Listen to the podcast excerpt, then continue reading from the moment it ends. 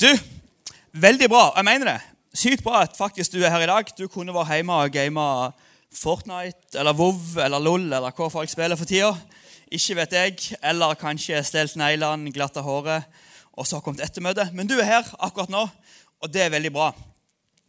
I dag så skal jeg snakke om litt der å være litt redd for hvor du står hen med Gud. og tenker du, åh, Er det den samle gamle talen om liksom relasjon, religion, bla, bla, bla? Og ja, det er det.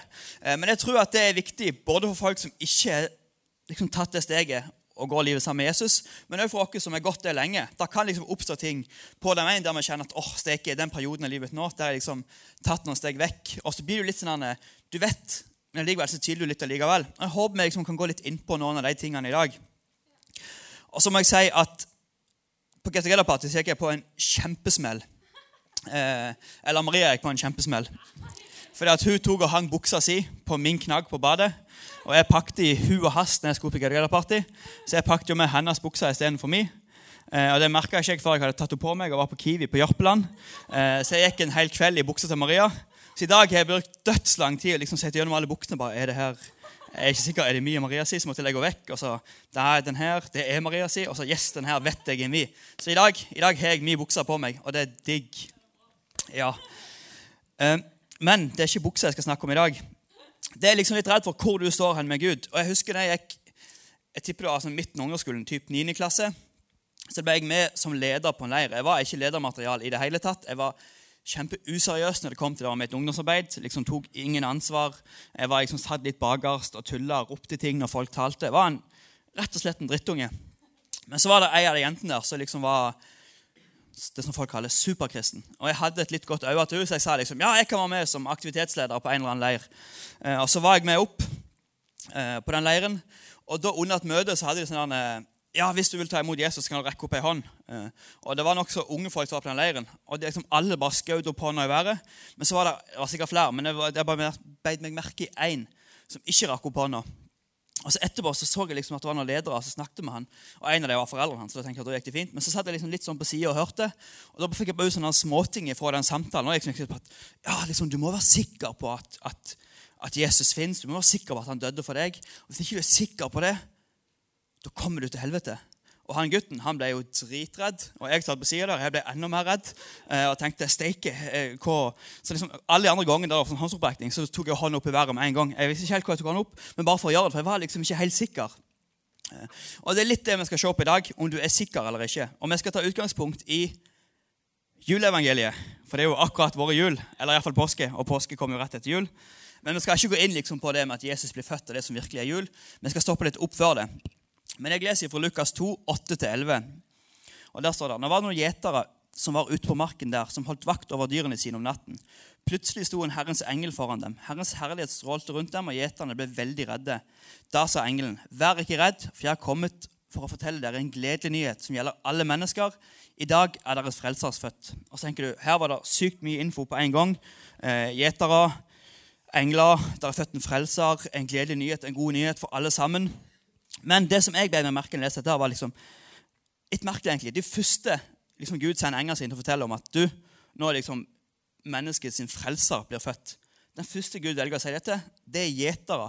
Jeg hadde liksom tenkt at ah, det må liksom være liksom, typ, i nåtida. At det liksom måtte være presidenten i USA, en eller annen som liksom er leder for noe stort, kanskje paven, et eller annet sånt. Men de går liksom til gjetere. Og det som er enda mer merkelig, er at på den tida som liksom vi snakker om nå, da var gjetere helt nederst på rangstigen. Skal du sammenligne det med folk i dag, så er det typ folk som drikker cola, heier på Liverpool. Det er liksom helt der nede. Nei, jeg bare tuller. Folk som drikker cola, kan være, kan være greie, de. Men dere skjønner? Ja, bra. Folk ler. Da skjønner de. Nei, sånn helt seriøst. Gjetere på den tida de var helt nederst på, på rangstigen. Det var den mest pinlige jobben. Og liksom i en familie så var det veldig ofte slaver som var gjetere. Hvis en familie ikke hadde råd til å kjøpe en, eh, kjøpe en gjeter, så var det den yngste sønnen. Og Hvis du ble en gjeter, så hadde, liksom, da hadde du ingen håp i livet. Da var det gjeter du var resten av livet ditt. Uh, og liksom, du, kunne jobbe, du kunne være så god gjeter du bare ville, men det var liksom, du kom, liksom, kunne aldri jobbe deg lenger oppe. Det var liksom gjeter resten av livet. som sagt. Og når det kom liksom til deres religiøse kultur, liksom det er deres gud, så har de på en måte sett på som at nei, der feiler de. De er utstøtt. Dere er ikke gode nok for den guden.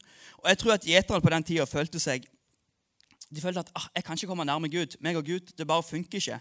Eh, og Før vi går videre, skal vi se på tre ting som gjør at jeg tror gjeterne følte seg sånn at ah, nei, jeg er ikke nærme Gud, og hvorfor de følte det.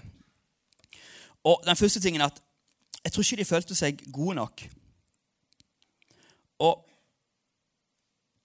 jeg sa det i stad De var på en måte utstøtt fra denne religionen. Når liksom folk som trodde på Gud, de tenkte at gjetere de kan ikke tro på det. Og Pga. den jobben de hadde, så ble de sett på som ureine, og åndelig ureine. Og Hvis en kom en religiøs person og liksom hilste på en gjeter Hvis jeg hilser på deg, jeg er en gjeter, og du er en religiøs person, så var jeg en urein gjeter. Men nå ble han en religiøs person òg urein. For gjetere de, liksom, de holdt ingen av de lovene de holdt ingen av de reglene som liksom religionen på den tida sa at det måtte de gjøre. Eh, og de, var rett og slett bare, de ble sett på som ureine eh, og ikke gode nok. Og jeg husker et øyeblikk i livet mitt der jeg ikke følte meg god nok i det hele tatt. Eh, vi var en gjeng etter ungdomsmøtet som stakk opp til en kompis. Nokså stor gjeng. Og han har liksom en hel, I stua si så er den hele veggen det er TV-en deres. Og det er jo den kuleste plassen å spille Fifa på. Eh, så vi satt tre-fire gutter før det og spilte Fifa, men vi kun lov til det hvis vi hadde lyden på lydløs.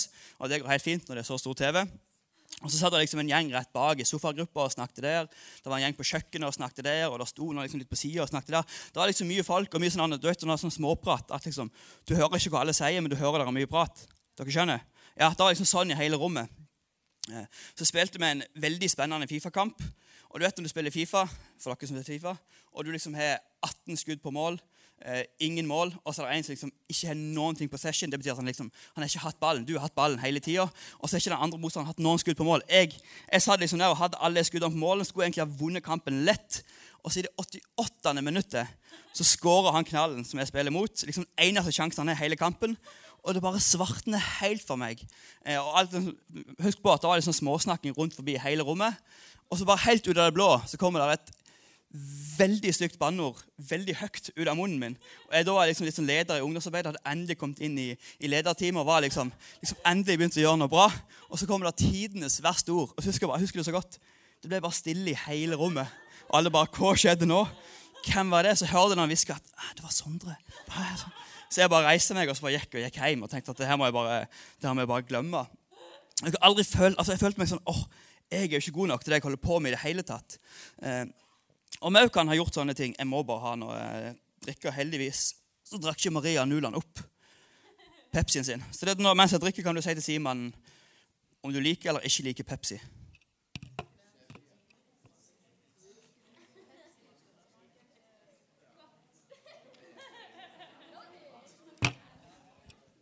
Digg. Nå har vi fått letta på det. Det er bra.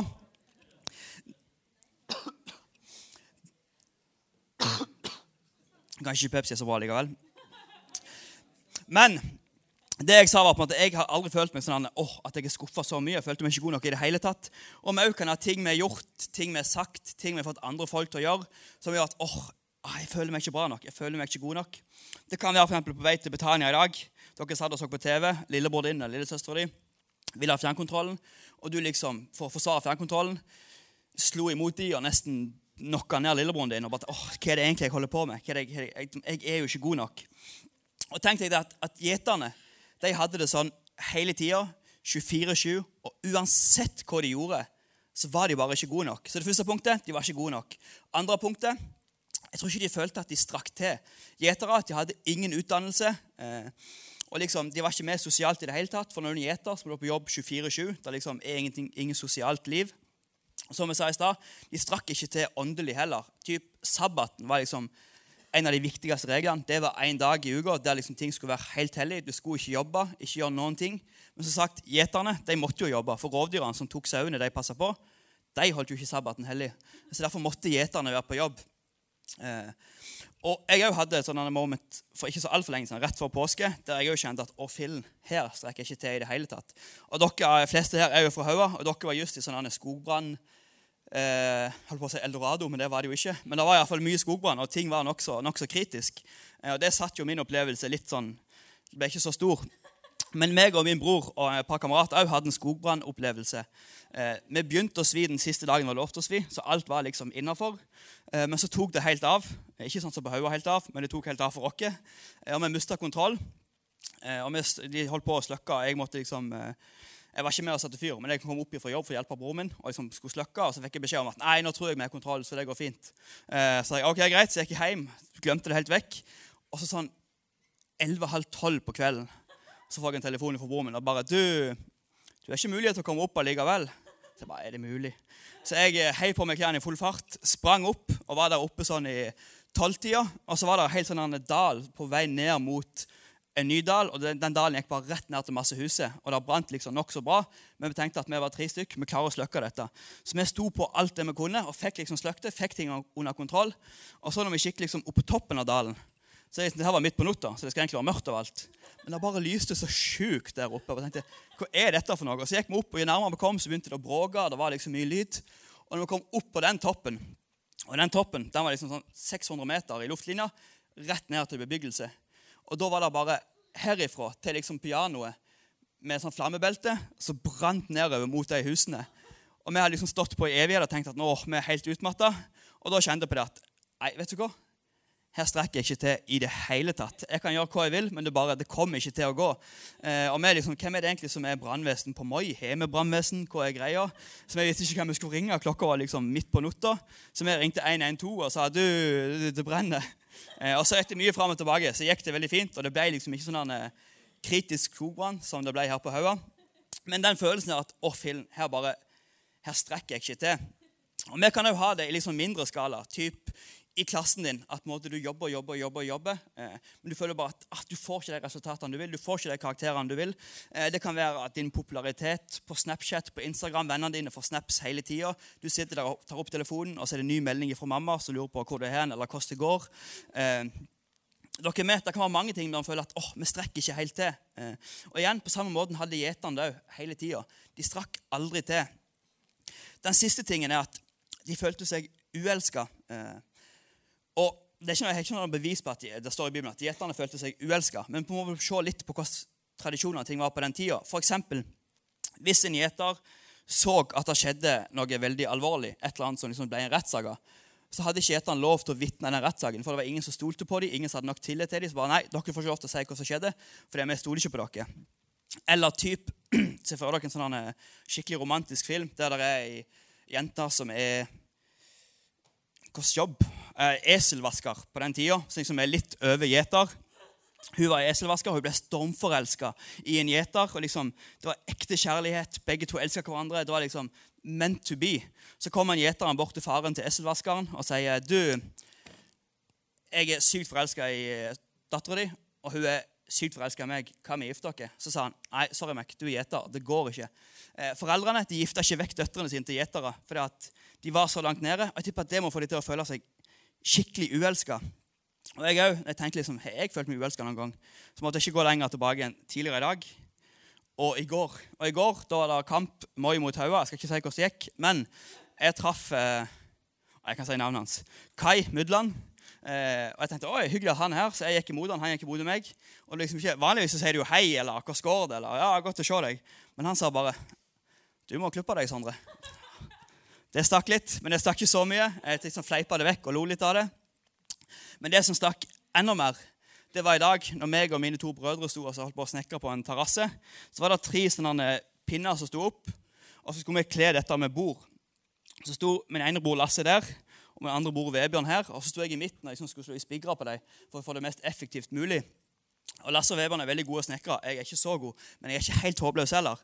Eh, så når vi sto der og snekra, eh, så hadde jeg også tatt spigra i feil eske. Jeg hadde tatt sånne som hadde vært bøyde, så de hadde slått beinet igjen. Så jeg fikk en spiger som var veldig bøyd. Takk skal du ha. Og men så sto liksom Maria på sida og så på, og så sto vi bare der. Og så når vi begynte å snekre, så Vebjørn og Lasse, mine to brødre, på siden av meg, de bare druste inn spigeren på sånn tre-fire slag. Og så hadde denne hekken spøyde spigeren.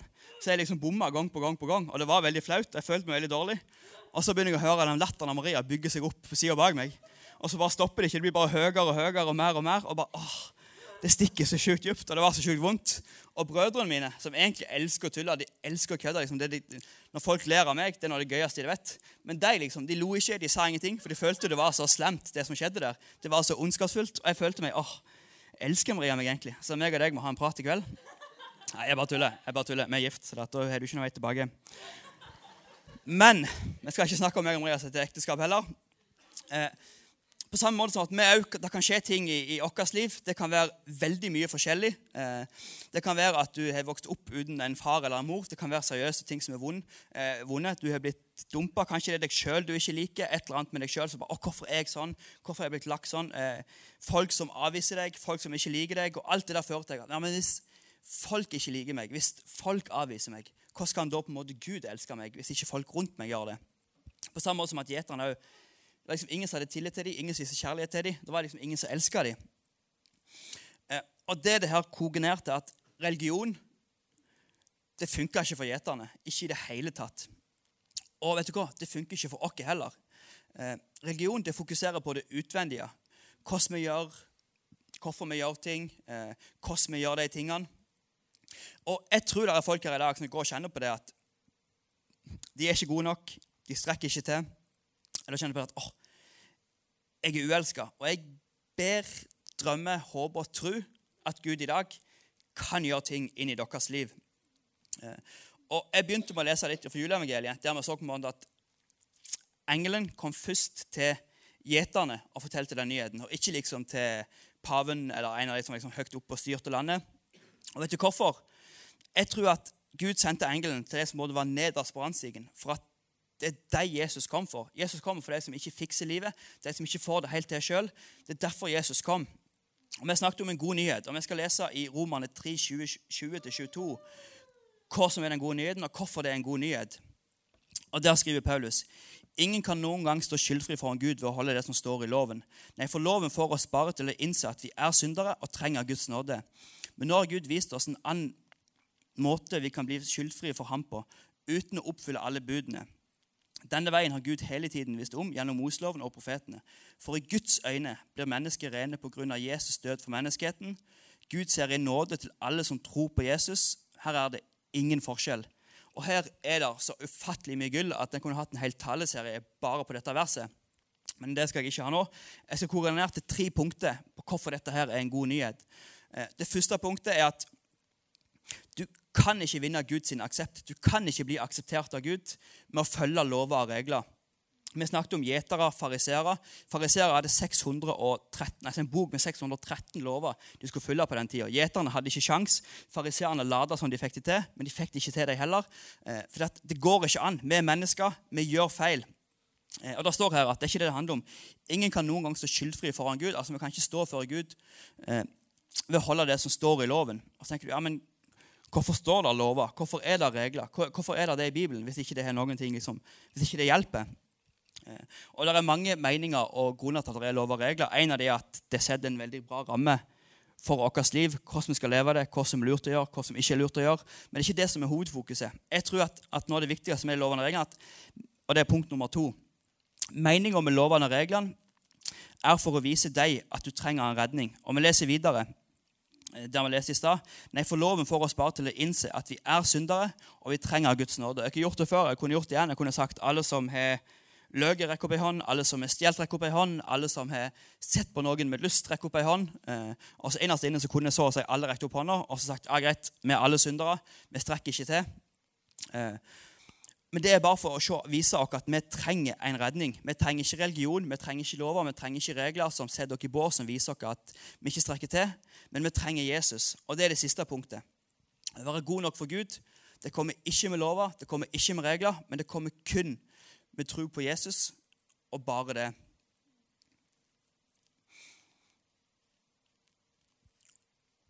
Og kristendom som jeg sa i start, det handler ikke om en religion. Det handler ikke om å prestere seg god nok. Du kan gjøre så mye bra du vil, du kan gjøre så mye godt du vil, og Gud han vil ikke elske deg mer. På samme måte kan du gjøre så mye dumt du vil, du kan gjøre så mange feile valg du vil. Og Gud han vil ikke elske deg mindre. Gud han elsker ikke pga. det vi gjør, eller pga. det vi har gjort, eller pga. måten vi gjør ting på, men han elsker ikke på tross av de vi er, på tross av det vi har gjort. Så uansett hvem du er, uansett hva du har gjort, uansett hvilket rykte du har på deg, uansett hva folk i klassen sier om deg, eller hva folk sier om deg på sosiale medier, eller hva læreren sier om deg, så elsker Gud deg for akkurat den du er. Og Så kan du tenke at ja, men Sondre, du er kristen på den måten, Maria er kristen på den måten, Vilde på den måten, Thomas på den måten. Ingen av de måtene de passer for meg. Jeg kan liksom ikke være, jeg kan ikke være en kristen, for det passer ikke for meg. Men vet du hva? Gud han har skapt deg akkurat sånn som du er, for at han har en plan med deg for at du er sånn som du er. Make det sens? Det høres ut som en rar setning når jeg sa den. Men meninga var at, at Gud har skapt deg akkurat sånn som du er, for en grunn, og han har en plan med akkurat ditt liv. Så hvis Thomas du komme opp og klimpre litt på, på gitaren Så jeg har lyst til å bare avslutte med eh, Vanligvis har jeg to eh, utfordringer på slutten. Der jeg er en liksom at For dere som aldri har tatt et valg før, om lyst til å tro på Jesus, kan ta det valget. Og så har jeg en utfordring til dere andre. Men i dag har jeg lyst til å gi litt det valget til alle. Hvis du kjenner at ja, i det siste så har jeg gjort noen ting, eller ikke sagt noen ting, eller ikke opplevd noen ting som føler at jeg ikke er god nok, jeg ikke strekker til, eller at Gud kan ikke elske meg, eh, så tror jeg at Gud har lagt dette på hjertet mitt for at dere skal kjenne at ja, vet du hva, det er ikke det det handler om. Gud han elsker meg ikke pga. det jeg gjør, men på tross av det jeg ikke har gjort. Så hvis alle sammen bare eh, for seg sjøl kan ta og bøye hoven og, bøye hoven og lukke øynene og så glemme litt Simon, glemme litt det som skjer hjemme, glemme litt det som eh, skjer rundt dere ellers, og bare tenke på deg, deg sjøl eh, og på Jesus. Og hvis det er et eller annet i livet ditt som du føler holder deg litt igjen, eh, og som binder deg litt, så sier Gud at vet du hva? Jeg bryr meg ikke om det. Jeg bryr meg om at du har lyst å leve livet sammen med meg, at du har lyst å gå livet sammen med meg. Eh, og når dere går det livet sammen, så vil Jesus forme deg til den du er skapt til å være. Og for du som sitter her og tenker at Eller har tenkt at ah, Gud, det funker ikke for meg, det er Jesus-greien, det passer ikke for meg. Eh, så har Gud en helt egen måte for akkurat deg til å være kristen på. Eh, der du kan leve ut den du er, sammen med Jesus. Så hvis du kjenner at yes, Jesus, jeg har ikke lyst til å starte litt på ny, legge ting litt bak meg, eller hvis du tenker at yes, Jesus, jeg har ikke lyst til å begynne et nytt liv sammen med deg, så kan du rekke opp en hånd jeg teller til tre. Så hold alle hodene nede, og så øynene igjen. Og så blir det et valg mellom deg og Jesus. Én, to, tre.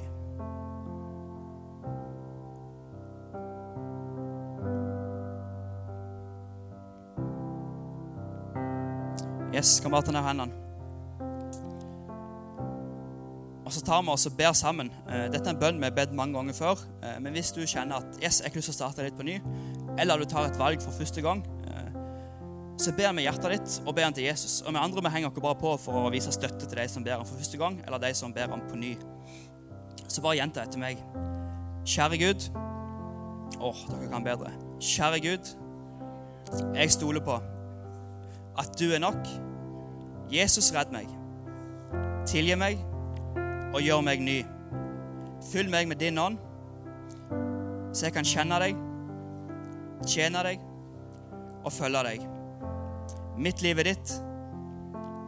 Amen.